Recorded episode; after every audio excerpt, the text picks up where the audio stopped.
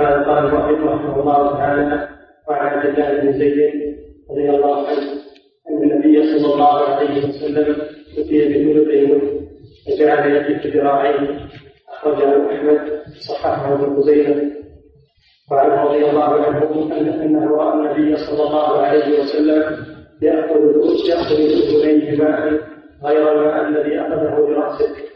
أخرجه البيهقي وهو عند مسلم وهو عند مسلم من هذا الوجه بلفظ ومسح براسه بماء غير فضل يديه وهو محفوظ وعن أبي هريرة رضي الله عنه عن النبي صلى الله عليه وسلم قال إن أمتي يأتون يوم القيامة وهم محجبين من أثار الوضوء فمن استطاع منكم أن يحيي الله فليفعل متفق عليه واللفظ لمسلم. نعم. بسم الله الرحمن الرحيم الحمد لله رب العالمين صلى الله وسلم على عبده ورسوله نبينا محمد وعلى آله وأصحابه. بسم الله الرحمن الرحيم. الحمد لله رب العالمين وصلى الله وسلم على نبينا محمد وعلى آله وصحبه وبعد هذه الأحاديث في باب الوضوء. في صفة وضوء النبي صلى الله عليه وسلم. وذلك لأن الله سبحانه وتعالى أمرنا بالاقتداء به. فقال جل وعلا لقد كان لكم في رسول الله أسوة حسنة. قد قال صلى الله عليه وسلم صلوا كما رأيتموني أصلي. وقال صلى الله عليه وسلم خذوا عني مناسككم. فهو القدوة صلى الله عليه وسلم. ولا سيما في أمور العبادات. فإن العبادات توقيفية. لا يجوز عمل شيء منها إلا بدليل من الكتاب والسنة. فلا يجوز إحداث عبادة ليس لها دليل وأيضا العبادة الثابتة بدليل لا يجوز أن تفعل إلا على الصفة التي فعلها رسول الله صلى الله عليه وسلم. فهو المبلغ عن الله سبحانه وتعالى وهو المبين وهو المبين لما يبلغه عن الله كما قال الله سبحانه وتعالى و و وما أنزلنا عليك الكتاب إلا لتبين لهم إلا لتبين لهم الذي اختلفوا فيه. صلى الله عليه وسلم مبين ومبلغ وقدوة فلذلك حرص الصحابة رضي الله تعالى عنهم على نقل أفعاله وأقواله وتقريراته وهديه صلى الله عليه وسلم ولم يتركوا شيئا من ذلك بل اهتموا به غاية الاهتمام. فكأن المسلم يشاهد رسول الله صلى الله عليه وسلم من خلال هذه الأحاديث. هذا من رحمة الله بهذه الأمة. فما من أمة اعتنى ما من أمة اعتنى أتباع آه، اعتنى أهلها اعتنى أهلها بآثار نبيهم مثل ما اعتنت هذه الأمة بآثار نبيها محمد صلى الله عليه وسلم. عناية تامة. وهذا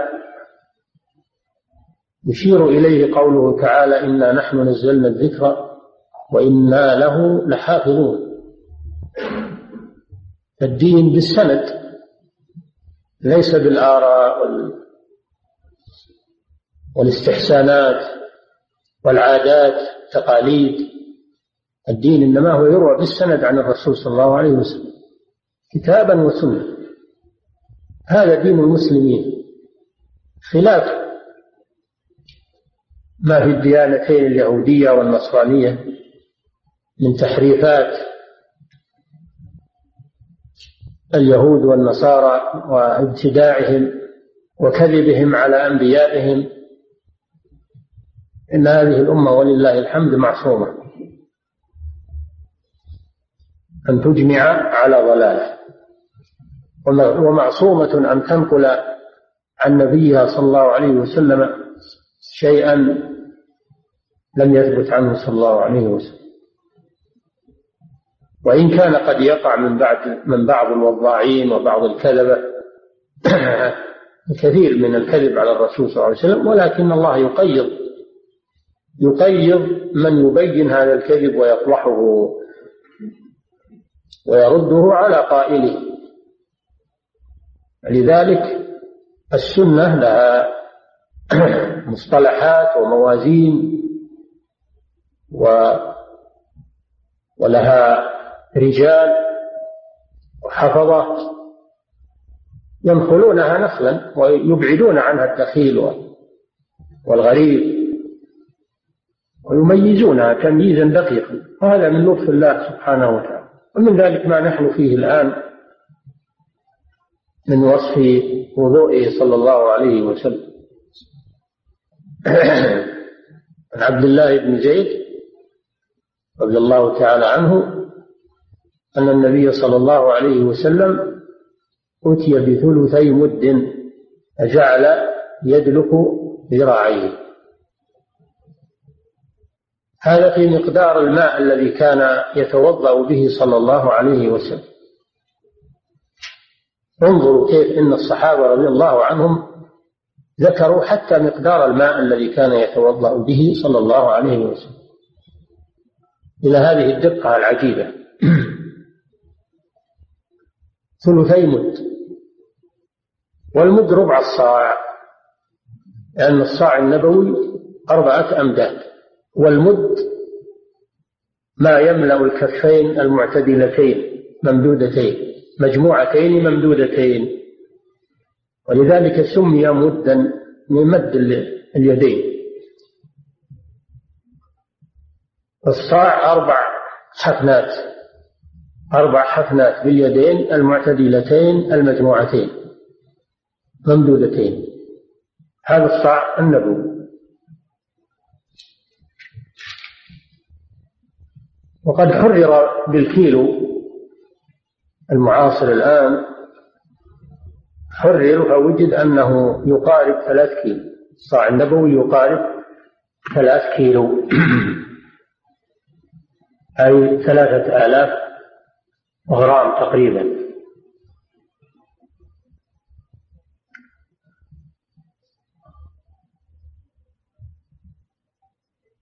فهذا الحديث في بيان مقدار الماء الذي يتوضأ به صلى الله عليه وسلم. وسيأتي حديث بعده أنه صلى الله عليه وسلم كان يتوضأ بالمد ويغتسل بالصاع إلى أربعة أمداد. فأكثر ما روي عنه صلى الله عليه وسلم في ماء الاغتسال أربعة أمداد. أربعة أمداد يعني صاع مد. وأكثر ما روي عنه في الوضوء مد ربع الصاع. وأقل ما روي عنه في الوضوء ثلثي مد كما في هذا الحديث. هذا أقل مقدار توضأ به صلى الله عليه وسلم.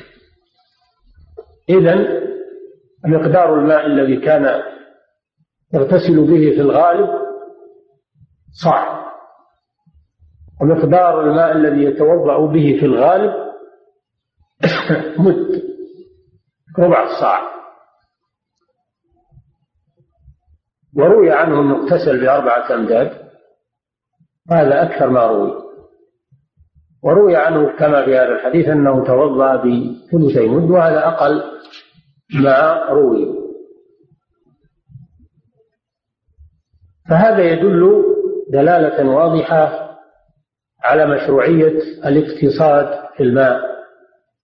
الاقتصاد في استعمال الماء في الاغتسال والوضوء. وأن الإنسان لا يسرف ويصب. مياه كثيرة هذا محرم. محرم لأنه إسراف الماء بغير فائدة ومحرم لأن فيه غلوا في العبادة. أن فيه غلوا في العبادة. وأيضا يبعث على الوسواس.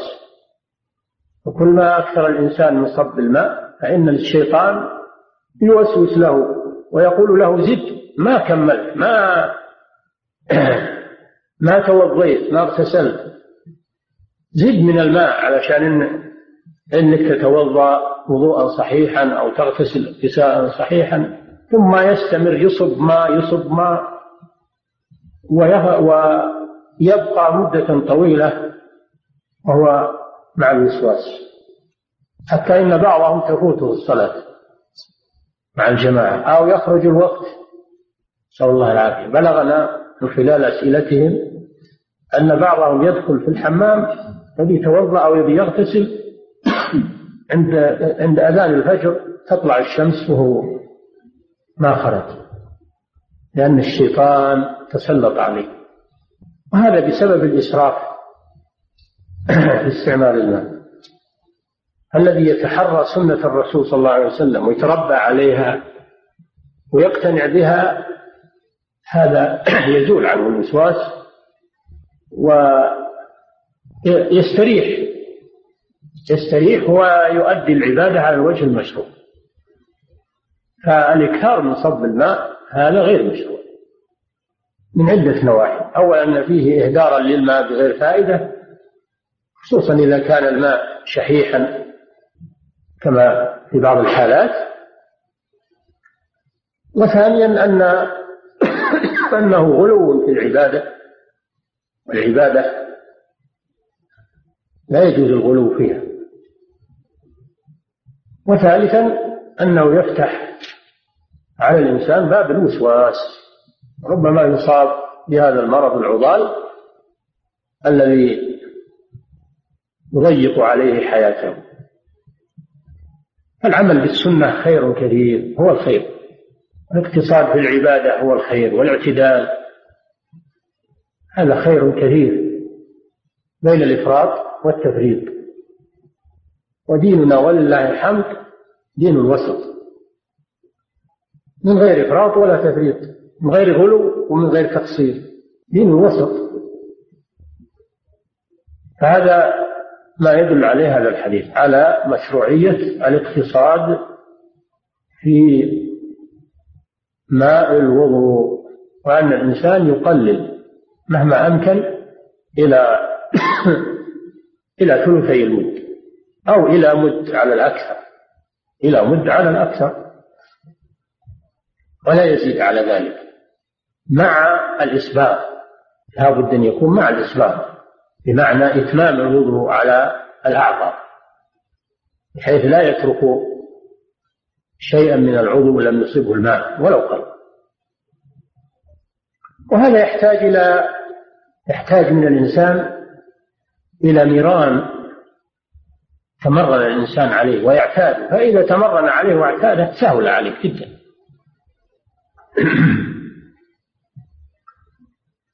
المسألة الثانية قوله جعل يدلك ذراعيه هذا فيه دليل على مشروعية دلك العضو وقت غسله. دلك العضو وقت غسله من أجل أن يتبلغ بالماء والدلك ليس واجبا. بل هو مستحب. الواجب أن يجري الماء على العضو هذا هو الواجب. فإذا صحبه الدلك هذا سنة. لأنه وسيلة لإسباغ الوضوء. جعل يدلك ذراعيه.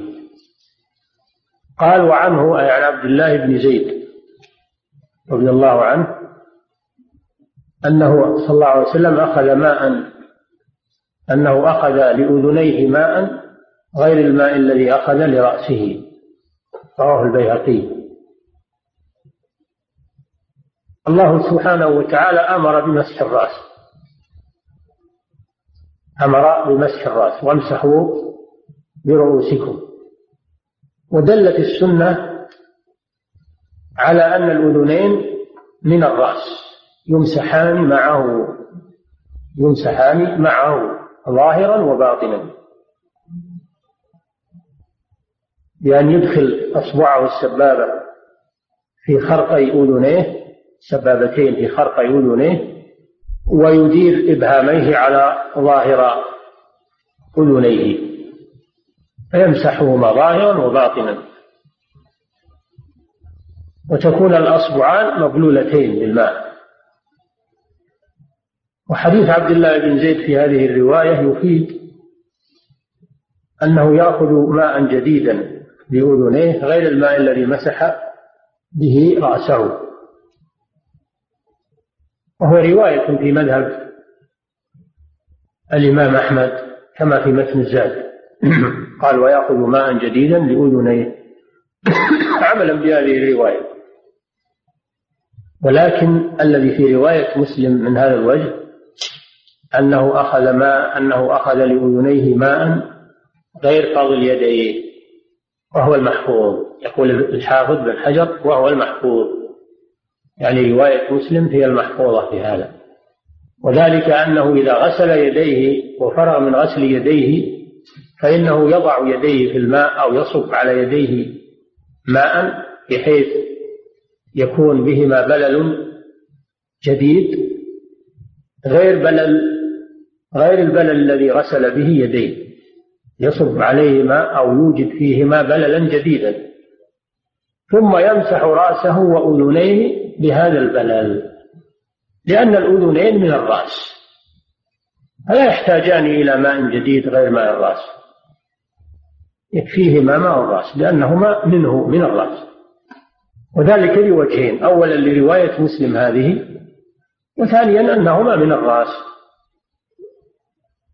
والعضو يؤخذ له ماء واحد يؤخذ له ماء واحد. هذا هو الصحيح أنه يمسح رأسه بما مسح أنه يمسح أذنيه بما مسح به رأسه ولا يحتاج إلى أخذ ماء جديد. إنما هذا إنما هذا بعد غسل اليدين أنه يأخذ ماء جديد يعني بعد غسل اليدين لأن اليدين عضو مستقل. والرأس عضو مستقل. فلا تمسح لا يمسح الرأس ببلل غسل اليدين إنما يؤخذ لهما له ماء جديد. هذا هو الصحيح في المسألة وهو الذي تدل عليه السنة الصحيحة أما رواية عبد الله بن زيد فإنها فيها نظر في هذا.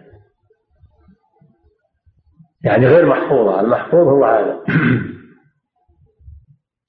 ثم قال عن أبي هريرة رضي الله عنه أن النبي صلى الله عليه وسلم قال إن أمتي يوم القيامة يأتون غرا محجلين بآثار الوضوء فمن استطاع منكم أن يطيل غرته فليفعل متفق عليه. إن أمتي يقول صلى الله عليه وسلم إن أمتي. المراد بهم أمة الإجابة الذين استجابوا للرسول صلى الله عليه وسلم. لا أمة الدعوة لأن أمة الدعوة تشمل كل أهل الأرض. من اليهود والنصارى والمشركين والوثنيين وكل أهل الأرض. كلهم من أمة الدعوة لأن الرسول صلى الله عليه وسلم بعث إلى الناس عامة. وأما أمة الإجابة فهي خاصة بالمسلمين الذين استجابوا للرسول صلى الله عليه وسلم. إن أمتي يأتون أو يدعون يوم القيامة إذا حشر الله سبحانه وتعالى الخلائق يوم القيامة جميع الخلائق من آدم إلى آخر مولود في الدنيا. كلهم يحشرون يوم القيامة في مكان واحد. الأولون والآخرون. جميع الأمم. التي لا يعلمها إلا الله سبحانه وتعالى. كلهم يحشرون على صعيد واحد. لكن ما الذي يميز هذه الأمة عن بقية الأمم؟ تميزها هذه العلامة. أنهم يكونون يوم القيامة غرة. والغرة الغر جمع أغر والغرة هي البياض الذي يكون في الوجه. الأصل في الغرة البياض الذي يكون في جبهة الفرس في جبهة الفرس هذا الأصل. لكن المراد هنا بياض الوجوه أن هذه الأمة يوم القيامة تتميز ببياض الوجوه. تكون وجوهها كما قال تعالى يوم يوم تبيض وجوه وتسود وجوه. فأما الذين اسودت وجوههم أكفرتم بعد إيمانكم؟ فذوقوا العذاب بما كنتم تكفرون وأما الذين ابيضت وجوههم ففي رحمة الله هم فيها خالدون. فهذا البياض المذكور في الآية هذا عام لجميع المؤمنين من جميع الأمم. تبيض وجوه المؤمنين يوم القيامة من جميع الأمم. لكن البياض المذكور في هذا الحديث هذا خاص بهذه الأمة زيادة بياض. زيادة بياض يمتازون به. هذا معنى الغر. والمحجلين محجلون جمع محجل. التحجيل هو بياض الأطراف. بياض الأطراف. والفرس المحجل هو الذي تكون يداه ورجلاه أطراف يديه ورجليه بيض سمى محجل. فهذه الأمة تكون يوم القيامة أيديهم وأرجلهم فيها بياض عظيم بسبب آثار الوضوء لأن الله شرع غسل الوجه في الوضوء شرع غسل اليدين والرجلين فتكون آثار هذا الغسل لأنه عبادة وطاعة لله سبحانه وتعالى تكون آثاره يوم القيامة نورا نورا يتميز به المؤمنون من هذه الأمة وعلامة فارقة سيما يعرفهم بها رسول الله صلى الله عليه وسلم. كما قال صلى الله عليه وسلم سيما لكم ليست لغيركم. سئل صلى الله عليه وسلم كيف تعرف أمتك يوم القيامة؟ قال يأتون غرا محجلين. يعرفهم بهذه العلامة عليه الصلاة والسلام. وقال سيما لكم ليست لغيركم. وأما قوله من استطاع منكم أن يطيل غرته فهذا ليس من أصل الحديث. هذا من كلام أبي هريرة رضي الله عنه. ويسمى عند المحدثين هذا النوع يسمى عند المحدثين بالمدرج. المدرج. إذا كان في الحديث شيء من كلام الراوي يسمونه المدرج. الراوي أحيانا يتكلم بتفسير شيء تفسير كلمة توضيح كلمة ثم تدرج مع الحديث. فالنقاد يميزون كلام الرسول صلى الله عليه وسلم من كلام الراوي. يسمون كلام الرسول المرفوع ويسمون هذا بالمدرج. هذا من قبيل المدرج. ومعنى يطيل غرته قالوا إنه يزيد يزيد على غسل الوجه بأن يغسل شيئا من الرأس. ويطيل تحجيله بمعنى يزيد على غسل المرفقين بأن يغسل العضد وعلى غسل الكعبين الرجلين بأن يغسل من الساق. وكان أبو هريرة رضي الله عنه يفعل ذلك فكان يغسل يديه حتى إلى إلى عضدين يغسل العضدين ويغسل الساقين من أجل إطالة الغرة. ولكن جمهور أهل العلم على أن هذا غير مشروع على أن الزيادة على العضو غير مشروع وأن هذا اجتهاد من أبي هريرة رضي الله عنه ومدرج من كلامه لا يحتج به. إنما هو اجتهاد منه رضي الله عنه. فلا يجوز للإنسان يغسل زيادة على وجهه من الرأس أو يغسل زيادة على يديه أو رجليه من العضد أو الساق فلا يجوز. لأنه زيادة على المشروع. والواجب الاقتصار على المشروع. وإطالة الغرة والتحجيل المراد به المداومة على الوضوء. المداومة على الوضوء لا أن المقصود به الزيادة على غسل العضو. المقصود المداومة على الوضوء والإكثار من الوضوء لأجل أن يكثر هذا النور في الوجه واليدين والرجلين يوم القيامة. فهذا الحديث يدل على مسائل عظيمة. المسألة الأولى يدل على فضل الوضوء. على فضل الوضوء. الوضوء عبادة. له فضل عظيم. جاءت الأحاديث الكثيرة في فضل الوضوء. منها هذا الحديث. وأن هذا الوضوء يصير يوم القيامة نورا يتلألأ ثانيا أن الرسول صلى الله عليه وسلم أخبر أن أن غسل هذه الأعضاء في الوضوء يسقط الخطايا يسقط الخطايا عن تلك الأعضاء. إذا غسل وجهه خرجت كل خطيئة نظر إليها مع الماء أو مع آخر قطر الماء. فإذا غسل يديه خرجت كل خطيئة بطشتها يداه مع الماء أو مع آخر قطر الماء. إذا غسل رجليه خرجت كل خطيئة مشت إليها رجلاه مع الماء أو مع آخر قطر الماء. الوضوء فيه فضائل عظيمة. والمسلم يستحضر هذه الفضائل عندما يتوضأ لأنه عبادة عظيمة. لذلك يستحضر هذه الفضائل وينويها ويقصدها من أجل أن تكتب له. وأيضا يحرص على إسباغ الوضوء وإتمامه من أجل أن يحصل على هذه الفضائل. كما جاء في الحديث أن ألا أنبئكم بما يرفع الله به الدرجات ويكفر به الخطايا؟ قالوا بلى يا رسول الله. قال إسباغ الوضوء على المكاره إسباغ الوضوء على المكاره. يعني الإنسان يتوضأ وقت برد. فيسبغ الوضوء مع أن الوقت بارد وعليه مشقة من ذلك لكن يصبر. هذا مما يرفع الله به درجات المؤمن يوم القيامة. يصبر على البرد ويتوضأ وضوء كامل ما يستعجل من أجل البرد ربما أنه لا يكمل الوضوء أو يحصل فيه خلل. إسباغ الوضوء على المكان وفي رواية إسباغ الوضوء في السبرات. السبرات في البرد شدة شدة البرد.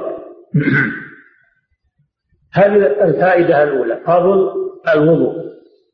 الفائدة الثانية هذا الحديث يدل على أن الوضوء من خصائص هذه الأمة لأن الله جعله علامة تعرف بها هذه الأمة يوم القيامة. فدل على أن الوضوء من خصائص هذه الأمة المحمدية. المسألة الثالثة فيه دليل على على الحرص على إتمام الوضوء وإسباغه والمداومة عليه والإكثار منه من أجل أن يحصل المسلم على هذه الميزة العظيمة. وأن كل ما توضأ فإنه يكتسب هذا النور وهذا البياض العظيم والله تعالى أعلم وصلى الله وسلم على نبينا محمد وعلى آله وصحبه أجمعين بسم الله الرحمن الرحيم وفضيلة الشيخ يوجد من بلغ الوسواس انه يدخل الخلاء ولا الا بعد طلوع الفجر فاذا اراد ان يصلي لا يستطيع من شده الوسواس كانه يجمع الفجر والظهر والعصر والمغرب سويا وكل ذلك يدعي انه يستهزئ النية هذا هذا مرض. هذا والعياذ بالله مرض؟ يحتاج إلى علاج. علاجه بذكر الله سبحانه وتعالى استعاذة من الشيطان وترك الوسواس. إذا الإنسان توضأ لا يلتفت إلى الوسواس. توضأ ويمشي. ما يفتح المجال للشيطان يقول ما توضيت كمل ارجع. قل لا يترك هذا. يرفضه رفضا تاما ويمضي. وإذا استمر على هذا فإن الشيطان يبتعد عنه فعلاجه بالاستعاذة بالله من الشيطان الإكثار من ذكر الله وعلاجه أيضا برفض الوسواس وعدم الالتفات إليه. الشيطان أيضا يوسوس للإنسان في الصلاة. يأتيه ويقول له أنت أحدثت انتقض وضوءك النبي صلى الله عليه وسلم قال لا ينصرف حتى يسمع صوتا أو يجد ريحا. لا ينصرف إلا إذا تيقن. إذا تيقن. أما إذا لم يتيقن فإنه يبقى على طهارة. هذا علاج علاج عظيم للوسواس. أن الإنسان يرفض الوسواس ولا يلتفت إليه. أما إذا تفاعل مع الوسواس زاد عليه واشتد به. نعم.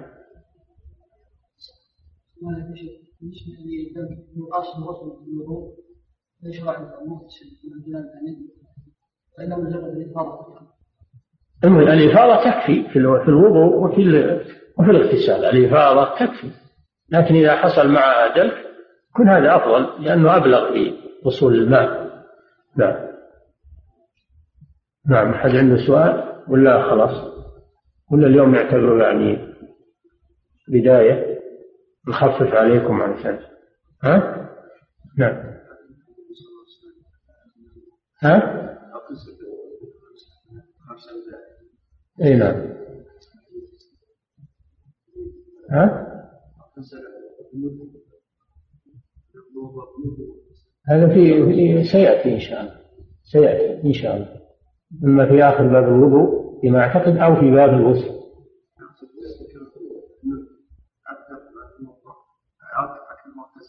بخمسة أمداد نعم.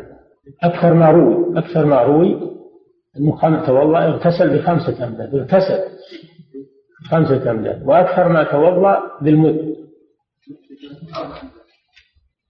نعم؟ لا لا خمسة أمداد. خمسة أمداد نعم. لأن الصاع نفسه أربعة أمداد. نعم.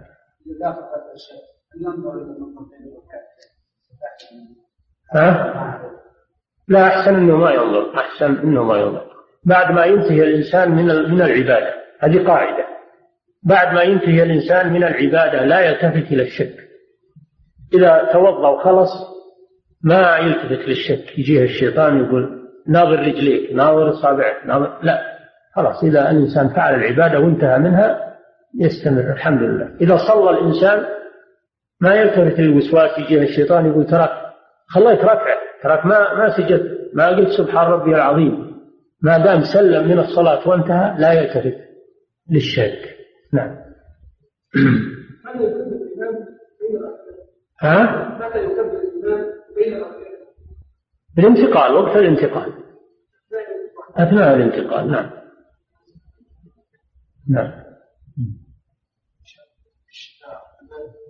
إذا وجد شخص ما ها؟ إذا وجد إيش؟ عنده ماء فارغ وعنده ماء أي نعم. لا لا. ما يجوز الإعلام للبارد والدافي عنده. لا لا. يعتبر من تكلف لا.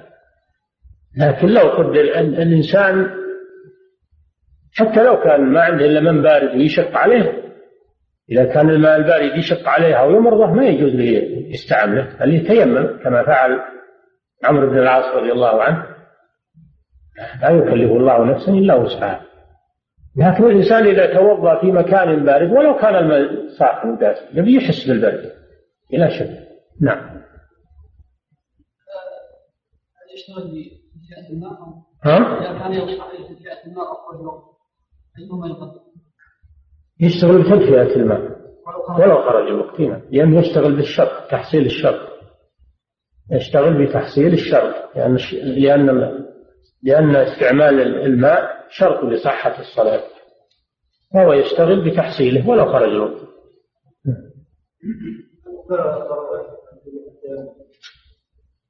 نعم؟ مع وجود الماء البارد؟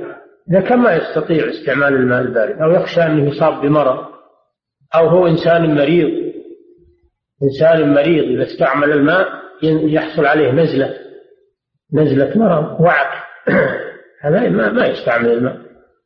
يتيمم الحمد لله. نعم. نعم.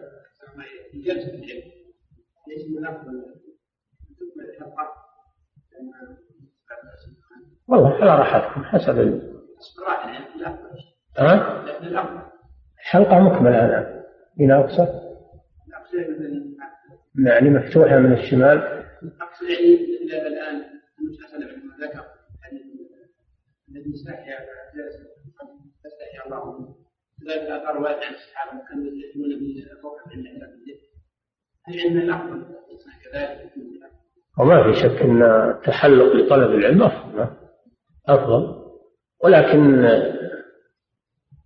الآن واسطة مكبر الصوت أنه يبلغ ولو كان الإنسان يعني في مكان في آخر المسجد يبلغ الصوت. هذا لا بأس لكن الأفضل أنه يقرأ أنه يقرأ من الحلقة. هذا هو الأفضل. ولو جلس في مؤخرة في المسجد وهو يسمع الصوت لا بأس بذلك. نعم. حديث ابي هريره ذكرت لفظه من استطاع أن يطيل ربه فليفعل لماذا المؤلف لم يستخدم القوسين الصغيرين اللي يعني يعني انتهاء متن حديث الرسول صلى الله عليه وسلم مستخدم الفاصل الثاني علاقة بالقبل والعدل إيش؟ المؤلف في ذكرت قضيه قول أبي هريرة كما استطاع منكم أن يطيل ربه فليفعل. وذكرت أن هذا مدرك نعم لماذا المؤلف لم يضع القوسين الصغيرين عند نهاية متن الحديث واستخدم الفاصل اللي كان علاقة ما قبله مع بعد المؤلفين ما هم يضعون اقواس، الأقواس دي إنما جاءت مع المطابع. ما كان فيها أقواس ولا كان نعم كل هذه هي بلازم هي بلازم. المقصد عن قول الرسول فقط. ما هو بلازم. لا فيه من يرى أن فمن استطاع أنه من كلام الرسول فيه من يرى هذا فيه من يرى هذا. نعم. لا ولكن حتى لو لو إنه يعني تيقن إنه من كلام الراوي ما هو بلازم الفصل. لأن أهل العلم يميزون بين كلام الرسول وكلام غيره ولو لم يفصل. نعم. سبحانك اللهم وصححه ابن خزيمة عن المغيرة بن شعبة رضي الله عنه أن النبي صلى الله عليه وسلم توضأ فمسح بناصيته وعلى الإمامة والخفين أخرجه مسلم عن جابر رضي الله عنه صفة حج النبي صلى الله عليه وسلم أن النبي صلى الله عليه وسلم قال ابدأوا بما بدأ الله به أخرجه النسائي هكذا لفظ الأمر وهو عند مسلم بلفظ الخبر. بسم الله الرحمن الرحيم. الحمد لله رب العالمين صلى الله وسلم على نبينا محمد وعلى آله وصحبه أجمعين. وبعد هذه الأحاديث أيضا في سياق صفة الوضوء. من فعل رسول الله صلى الله عليه وسلم وقوله. عن عائشة رضي الله عنها قالت كان النبي صلى الله عليه وسلم يعجبه التيمن في تنعله وترجله وطهوره وفي شأنه كله. متفق عليه. وعن أبي هريرة رضي الله عنه أن رسول الله صلى الله عليه وسلم قال إذا توضأتم فابدأوا بميامنكم. رجعوا الأربعة صححه ابن خزيمة. وعن المغيرة بن شعبة رضي الله عنه أن النبي صلى الله عليه وسلم توضأ فمسح على ناصيته وعلى العمامة والخفين.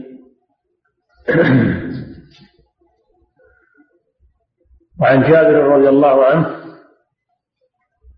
أن رسول الله صلى الله عليه وسلم قال ابدأوا بما بدأ الله به رواه النسائي وهكذا بلفظ الأمر وهو عند مسلم بلفظ الخبر. أما حديث عائشة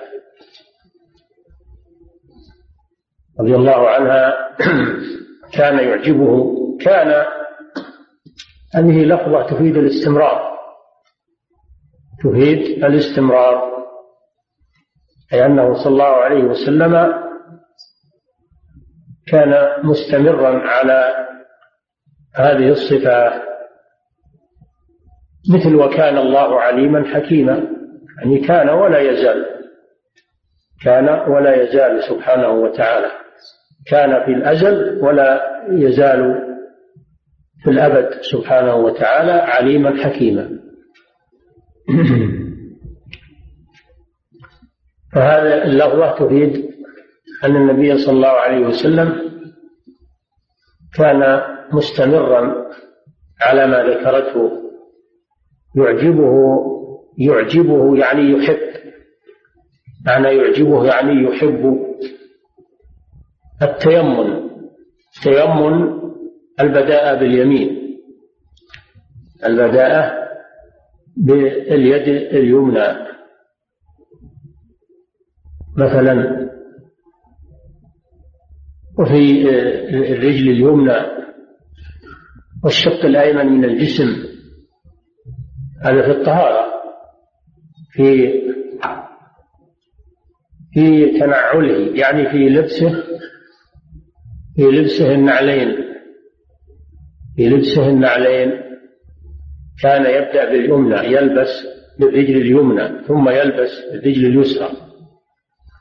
هذا معنى تنعله. وفي ترجله ترجل تسريح الشعر. يسمى الترجل والترجيل يعني تسريح الشعر بالمشط ونحوه. شعر الرأس. شعر اللحية وما أشبه ذلك. ترجله وفي طهوره بضم الطاء. يعني تطهره مصدر. طهور بضم الطاء يطلق على المصدر. وأما بفتح الطاء طهور المراد به المادة التي يتطهر بها.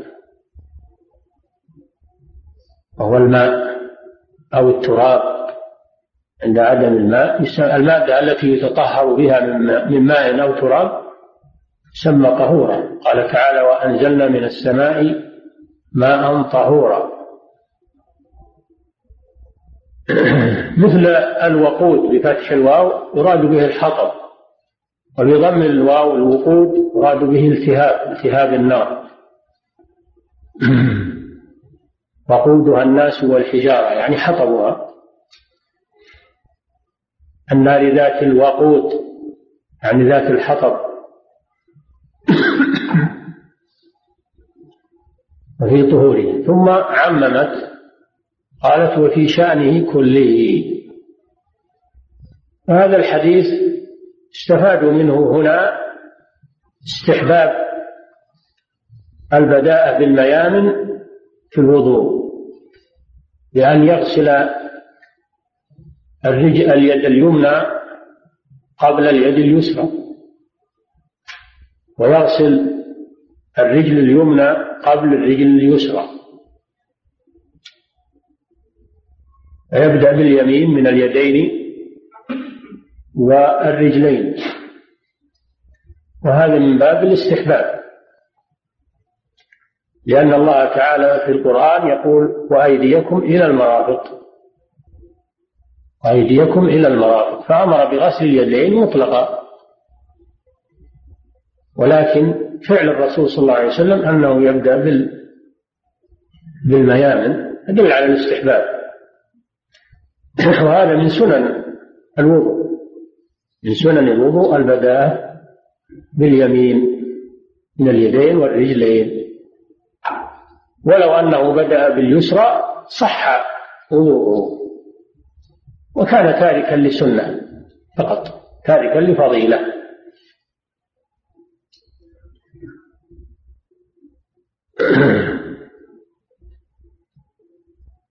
هذا مقصود المصنف من إيراد هذا الحديث في باب الوضوء صفة الوضوء. أي أنه يستحب البداءة باليمين من اليدين والرجلين. وكذلك في الحديث بدأ بأيمن الرأس عند ترجيل الشعر أو كده يبدأ بأيمن الرأس وفي ترجله. كما أن فيه البداءة بالرجل اليمنى عند لبس النعلين يلبس النعل اليمنى ثم يلبس النعل اليسرى هذا عند اللبس. أما عند الخلع فسخ النعلين العكس.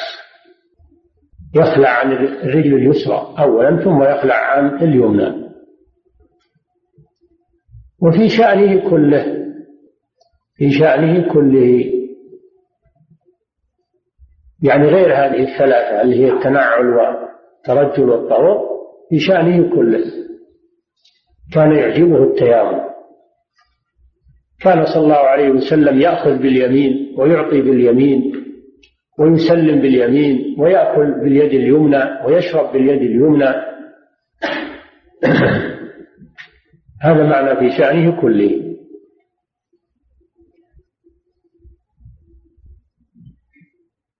وقال العلماء القاعدة في هذا القاعدة في هذا أن ما كان من شأنه التكريم من شأنه التكريم يبدأ باليمين. وما كان من شأنه إزالة الأذى فتقدم له اليسرى تقدم له اليسرى فيستنجي يستنجي بيده اليسرى لا يجوز أن يستنجي باليمنى. وكذلك إزالة الأذى عن جسمه من المخاط والبصاق وغير ذلك اليد اليسرى.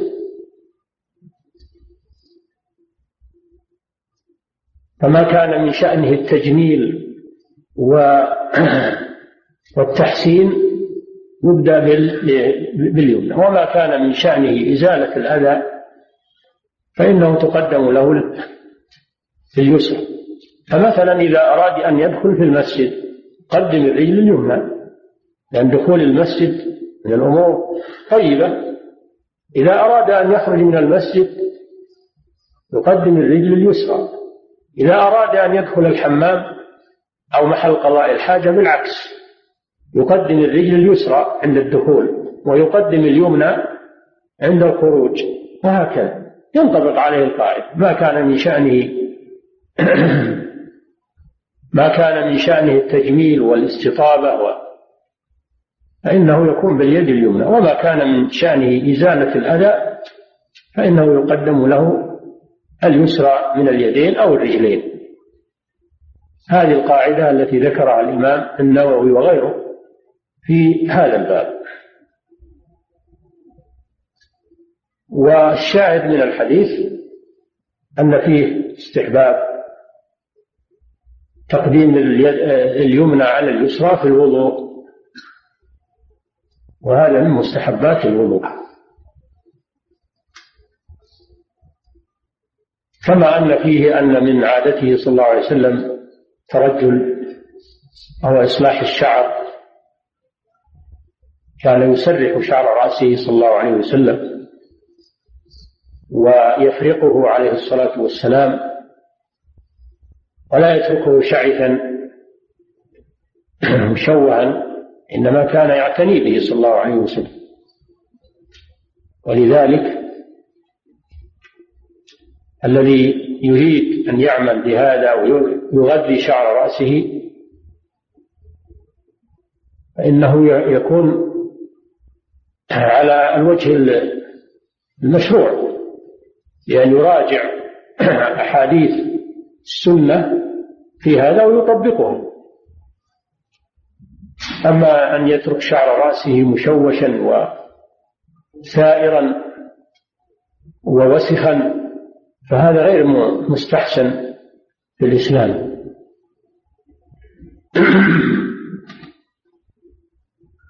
قال وعن أبي هريرة رضي الله عنه أن النبي صلى الله عليه وسلم قال إذا توضأتم فابدأوا بميامنكم هذا يؤكد ما جاء في حديث عائشة. بل هو أصرح منه؟ لأن فيه الأمر. ابدأوا بميامنكم بأن يبدأ باليد اليمنى قبل اليسرى وبالرجل اليمنى قبل اليسرى. وهو بلفظ الأمر والأمر هنا للاستحباب ليس للوجوب. بدليل الآية إن الله تعالى قال وأيديكم إلى المرافق وأرجلكم إلى الكعبين. ولم يأمر بالبداء باليمنى قبل اليسرى. فدل على أن الأمر في الحديث للاستحباب. هذا هو الصارف له. ابدأوا بميامنكم. وعن المغيرة بن شعبة رضي الله عنه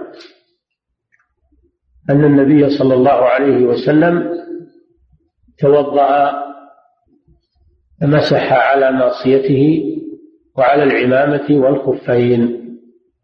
مسح على ناصيته. الناصية مقدم الرأس.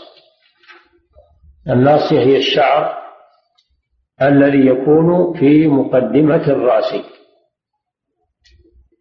قال تعالى لنسفعا بالناصية. يعني يؤخذ الكافر والعياذ بالله يوم القيامة يؤخذ بناصيته يقاد بها إلى النار.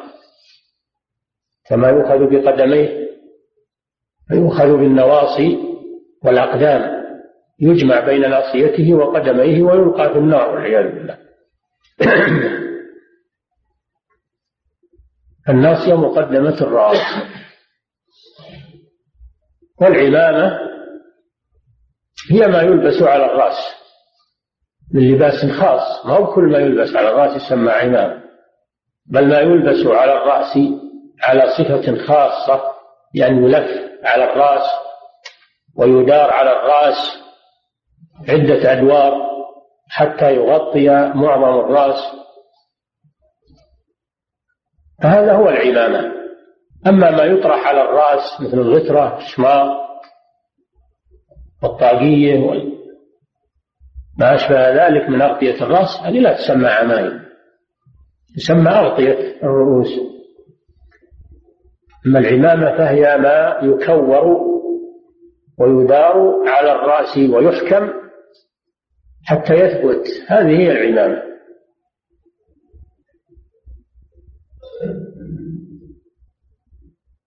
ويشترط للمسح على العمامة أن تكون ثابتة بأن تكون محنكة يعني يكون منها ما ما يثبتها على الرأس بحيث يدار منها دائرة تحت الحنك. أو تكون ذات ذؤابة ذات ذؤابة من الخلف.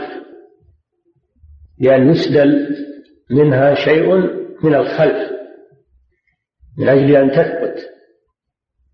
هذه العمامة التي يمسح عليها في الوضوء.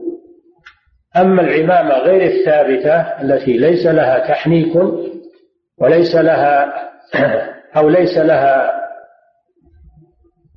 آه، ذؤابة فهذه تسمى الصمة العمامة الصمة لا يمسح عليها لا يجوز المسح عليها لأنها غير ثابتة.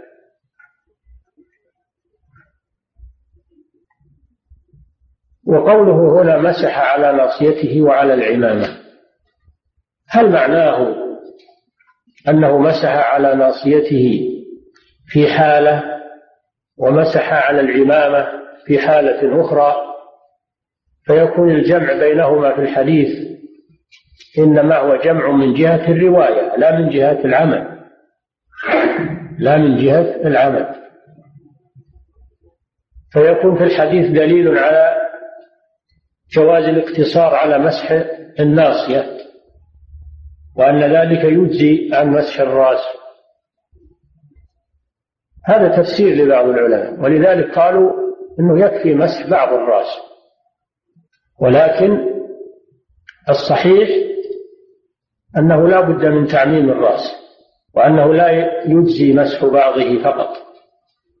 لأن الله قال وامسحوا برؤوسكم. ومن مسح على بعض رأسه لا يكون ماسحا برأسه وإنما يقال مسح ببعض رأسه. مع ما يأتي من صفة مسح النبي صلى الله عليه وسلم لرأسه وأنه كان يعمم الرأس. فيبدأ من مقدم رأسه ويذهب بيديه إلى قفاه ثم يردهما إلى المكان الذي بدأ منه. سنة الرسول صلى الله عليه وسلم. في غير هذا الحديث تدل على تعميم الرأس بالمسح وأنه لا يكفي أن يقتصر على بعضه. إذا فمعنى قول مسح على رأسه وعلى العمامة أنه مسح على مسح على ناصيته وعلى العمامة أنه مسح على الناصية وكمل على العمامة. كمل على العمامة. ولهذا الإمام ابن القيم رحمه الله في زاد المعاد يقول في هذا إن الصفات الواردة عن الرسول صلى الله عليه وسلم في مسح الرأس ثلاث. ثلاث صفات. الصفة الأولى أنه مسح على رأسه كله هذا إذا لم يكن عليه عمامة الصفة الثانية أنه مسح على العمامة فقط.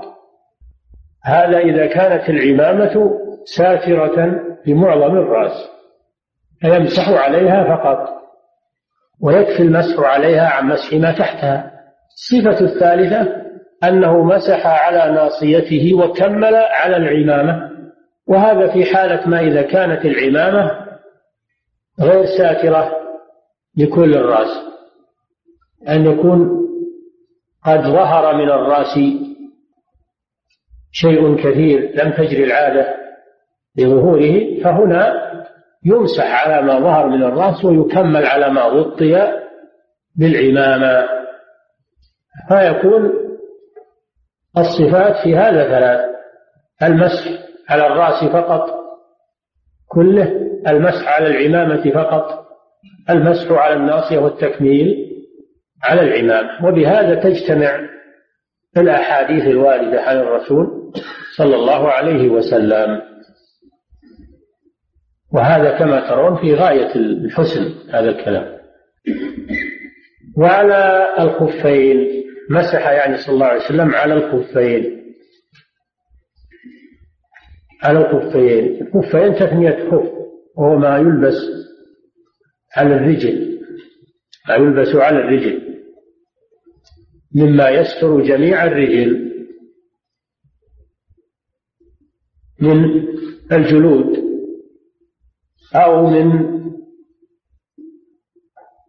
غيرها من ما يلبس على الرجلين ويغطيهما ويصعب نزعه عند الوضوء فإن الشارع الحكيم خفف على المسلمين وشرع المسح على الخفين بدلا من خلعهما وغسل الرجلين لأن ذلك يشق على الناس. وهذا يأتي إن شاء الله في باب المسح على الخفين. فيراد بالخفين هنا الأصل في الخفين ما كان من الجلد هذا الأصل. لكن أيضا يمسح على ما يقوم مقام مقامهما من سائر الملبوسات الأخرى سواء كان من الجلد أو من الشعر أو من غيرهما بشروط ستأتي إن شاء الله في باب المسح على على الخفين فدل حديث المغيرة هذا على مسألتين على مسألة المسح على العمامة وعلى مسألة المسح على الخفين. والذي يتبادر عن محل هذا الحديث يكون في باب المسح على الخفين. ولكن لماذا أورده المصنف هنا في صفة في صفة الوضوء؟ لماذا أورده المصنف هنا في صفة الوضوء؟ لعله والله أعلم من أجل أن يبين أن الشأن في الرجلين الغسل كما أمر الله تعالى بذلك إذا لم يكن عليهما خفان أو المسح إذا كان عليهما خفان.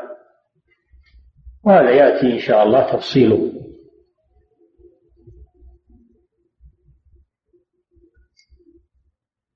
وعن جابر رضي الله عنه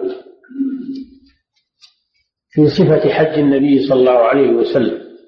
الحديث الطويل الذي رواه جابر بن عبد الله في صفة حج النبي صلى الله عليه وسلم من حين خرج من المدينة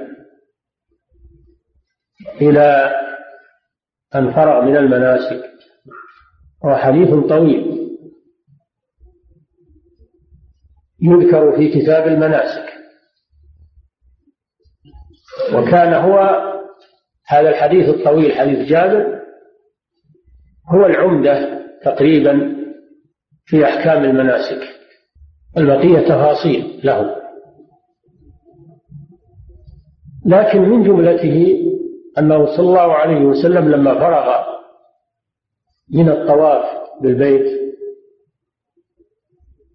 وصلى ركعتي الطواف ثم عاد واستلم الحجر ثم خرج آه ثم آه شرب من ماء زمزم ثم أراد أن يخرج للسعي أنه صلى الله عليه وسلم ذهب إلى الصفا ذهب إلى الصفا.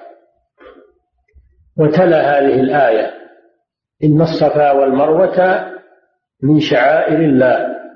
فمن حج البيت أو اعتمر فلا جناح عليه أن يطوف بهما.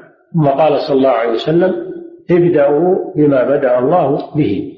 ابدأوا بما بدأ الله به. الله تعالى بدأ بالصفا بالذكر. بدأ بالصفا في الذكر. الرسول صلى الله عليه وسلم أمر أن يبدأ به بالفعل لأن ما قدمه الله في الذكر فإنه يستحق التقديم لأن كلام الله كلام حكيم والحكيم إنما يبدأ بالأهم فالأهم. وكون الله جل وعلا بدأ بالصفا دل على أنه يبدأ به في السعي يبدأ به في السعي. فلو بدأ من المروة ما احتسبنا هذا. ما احتسبنا هذا الشوط شيئا. الشوط الذي من المروة إلى الصفا في البداية لا يحسب أنه معكوس. ومخالف للفظ الآية ولفعل الرسول صلى الله عليه وسلم. البداءة تكون من الصفا. أول شوط يكون من الصفا. فبداية السعي من الصفا ونهايته بالمروة. لكن لماذا ساقه المصنف في باب الوضوء هنا؟ هل نحن الآن في كتاب المناسك؟ حتى يجيب لنا رواية السعي لماذا؟ أخذا من قوله صلى الله عليه وسلم ابدأوا بما بدأ الله به. والله تعالى في آية الوضوء بدأ بأي شيء؟ بالوجه ثم اليدين ثم المسح على الرأس ثم الرجلين.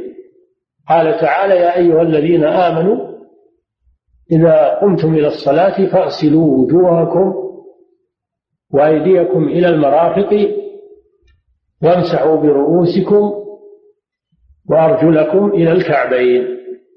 إذا فالمتوضي يبدأ بما بدأ الله به فيغسل وجهه ثم يديه ثم يمسح برأسه ثم يغسل رجليه كما ذكر الله. فلو عكس وبدأ بالرجلين ثم مسح الرأس ثم غسل اليدين ثم غسل الوجه قلنا وضوءك غير صحيح. لأنك لم ترتب على ما أمر الله تعالى به. وضوءك غير صحيح. الرسول صلى الله عليه وسلم يقول ابدأوا بما بدأ الله به. وهذه قاعدة في كل شيء من العبادات في السعي في الوضوء في كل شيء بدأ الله به يقدم يقدم عند الفعل ابدأوا بما بدأ الله به. هكذا رواه النسائي في بلفظ الأمر ابدأوا يدل على الوجوب. وعند مسلم بلفظ الخبر أبدأوا أو نبدأ بما بدأ الله به.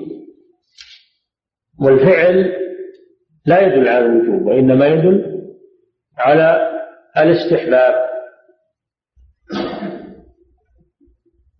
ولذلك قدم المصنف رواية النسائي لأنها بلفظ الأمر تدل على الوجوب. ورواية مسلم وإن كانت بلفظ الخبر إلا أن فعل النبي صلى الله عليه وسلم إذا كان تفسيرا للقرآن فإنه يكون واجبا وفعله هنا مفسر للقرآن فيكون ما فعله واجبا. فهذا الحديث يدل على مسائل. المسألة الأولى وجوب الترتيب في الوضوء على حسب ما ذكر الله في آية الوضوء. لأن ما بدأ الله به قولا فإنه يبدأ به فعلا. المسألة الثانية فيه دليل على أن العبرة بعموم اللفظ لا بخصوص السبب حيث إن الآية نازلة السعي بين الصفا والمروة. والرسول صلى الله عليه وسلم استدل وضع قاعدة. الرسول صلى الله عليه وسلم وضع قاعدة عندها قال ابدأوا بما بدأ الله به. هذا عموم. يشمل السعي ويشمل الوضوء ويشمل كل ما بدأ الله تعالى به من العبادات. أي قاعدة قاعدة عامة. فالعبرة بعموم اللفظ لا بخصوص السبب.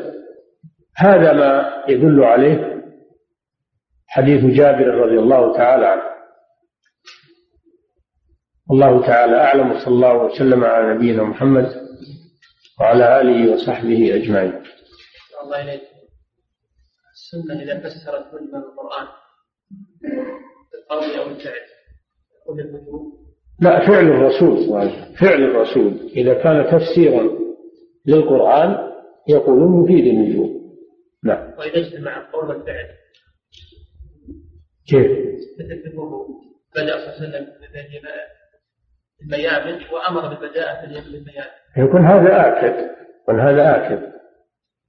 ما دام انه إنه بدأ بالميامن بالفعل وأمر بذلك يكون هذا آكد.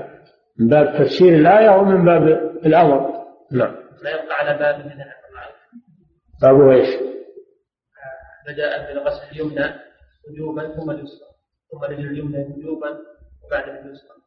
ما يبقى على الاستخدام ما يصح الاستخدام. لا لا ما فيها أن الرسول صلى الله عليه وسلم قال قوله ابدأوا بميامنكم قصدك ابدأوا بميامنكم لا هذا ما يدل يقولون على الوجوب. الأمر هنا للاستحباب. الأمر هنا للاستحباب. نعم. لأن الآية لأن هذا ليس مفسرا للآية لأن الآية ليس فيها ليس فيها البداء باليمنى بخلاف السعي فيه البداء بالصفا نعم. فعل الرسول المجرد يكون للاستحباب. المجرد يكون للاستحباب. نعم. الحديث حديث يحمل على على الاستحباب على أن المراد به الاستحباب. نعم.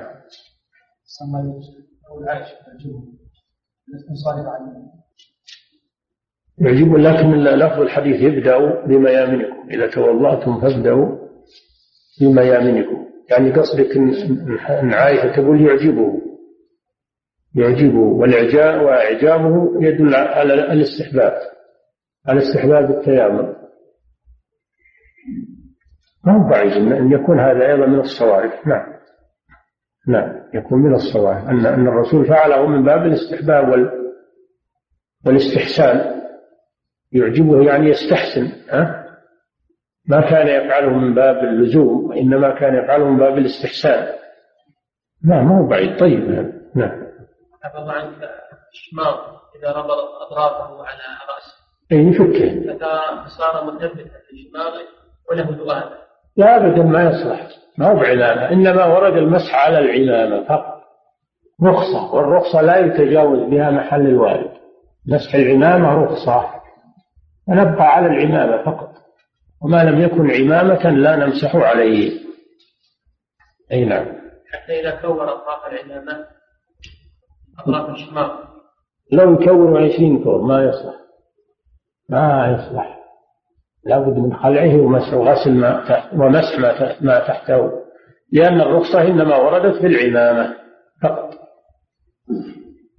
لكن لو تعمم بشماغه الله شكل عمامة لو تعمم به الله عمامة بدل ما هو طارحة على رأسه طرح الله عمامه ولفه الله أدوار. وثبته يصلح كل عمامة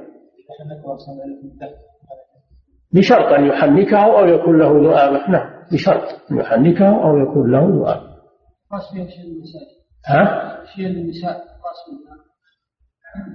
اي نعم الفقهاء يقولون خمر النساء إذا ثبتتها بأن ادارتها تحت الحنك. فإنها تمسح عليها قياسا على عمامة الرجل. ولهذا يقول على خمر نساء مدارة تحت حنوكهن قياسا على عمامة الرجل. لكن المرأة لا يجوز لها أن تلبس العمامة أبدا أن هذا تشبه بالرجال. ولعن النبي صلى الله عليه وسلم المتشبهات من النساء بالرجال. نعم. ها؟ لما ألحقوا شيء النساء. لا ما هو أخذوا من من المعنى قياس بالعلة دفع المشقة وهذا شيء ثابت على الرأس. والمرأة هذا شأنها ما تلبس عمامة المرأة. لكن الرجل لو استبدل العمامة شيء آخر لا يجوز. لكن المرأة هذا شأنها ما تلبس عمامة. فالعمامة بالنسبة لها هي الخمار. نعم. خلاف الرجل لو بدل العمامة إلا ما يجوز في المسح على نعم. ها؟ نعم. فعل الرسول صلى الله عليه وسلم أنه كان يجعل أنه كان يجعل له ذؤابة من خلفه. وأيضا الذي ليس لها ذؤابة ولا تحنيك لا تثبت فلا يشق نزعها. بخلاف المحنكة أو ذات الذؤابة هذه يشق نزعها؟ والمشقة تجلب التيسير. نعم. التيامن يا شيخ. الشخص ترك التيامن هل يأثم الشخص؟ لا ما يأثم وضوءه صحيح ولا يجمع ها؟ أمات الشخص. ولو تمام لأن هذا من باب الاستحباب. السنة المستحب ما يثاب فاعله ولا يعاقب تاركه. لكن نقول فوت على نفسك فضائل. فوت على نفسك فضائل. أما وضوءه هو صحيح ولا يأثم نعم. فضيلة الشيخ وفقكم الله. ترجيل النبي صلى الله عليه وسلم لشارع ألا يكون من باب العادات كنفس العمامة ولا يكون من باب إيه؟ ترجيل النبي صلى الله عليه وسلم لشعره ألا يكون من باب العادات كنفس العمامة لا من باب السنن باب السنن لأن لأن التنظيف وتحسين شعر الرأس تجميل السنة إن الله جميل يحب الجمال أما أن يترك الرأس وسخ أو ثائر هذا باب التشويه. باب التشويه مكروه. نعم. نعم. على صفة ما ورد عن النبي صلى الله عليه وسلم سنة. تطويله على صفة ما ورد عن النبي صلى الله عليه وسلم سنة. أما تطويله على صفة الاقتداء بالكفار هذا يكون محرما لأنه تشبه بالكفار. فالذي يغذي شعر رأسه إذا كان ينفذ في سنة الرسول صلى الله عليه وسلم هذا مستحب. أما إذا كان يغذيه على صفة الخنافس صفة ما عليه الكفار الآن هذا محرم لأنه يعني تشبه بالكفار. ولهذا يقول الإمام أحمد إن إن إن إبقاء الرأس أو تغذية شعر الرأس سنة ولو نقدر عليه لعملنا لو نقدر عليه لعملنا. لكن له كلفة مشقة. اللي يبي يصبر على الكلفة والمشقة ويتعاهد رأسه ويجمله وينظمه يسرحه ويفرقه مع الوسط كما فعل النبي صلى الله عليه وسلم يعمل هذا. أما إنسان بس يجعل له شوشة طائرة أو يخليها على شكل ما يرى في الصحف والمجلات أو شكل ما يفعله الكفار هذا لا يجوز محرم. نعم. وهو الشيخ وفقكم الله أن الرجل حلق شعر رأسه كله في خلاف الحج والعمرة. هل للرجل؟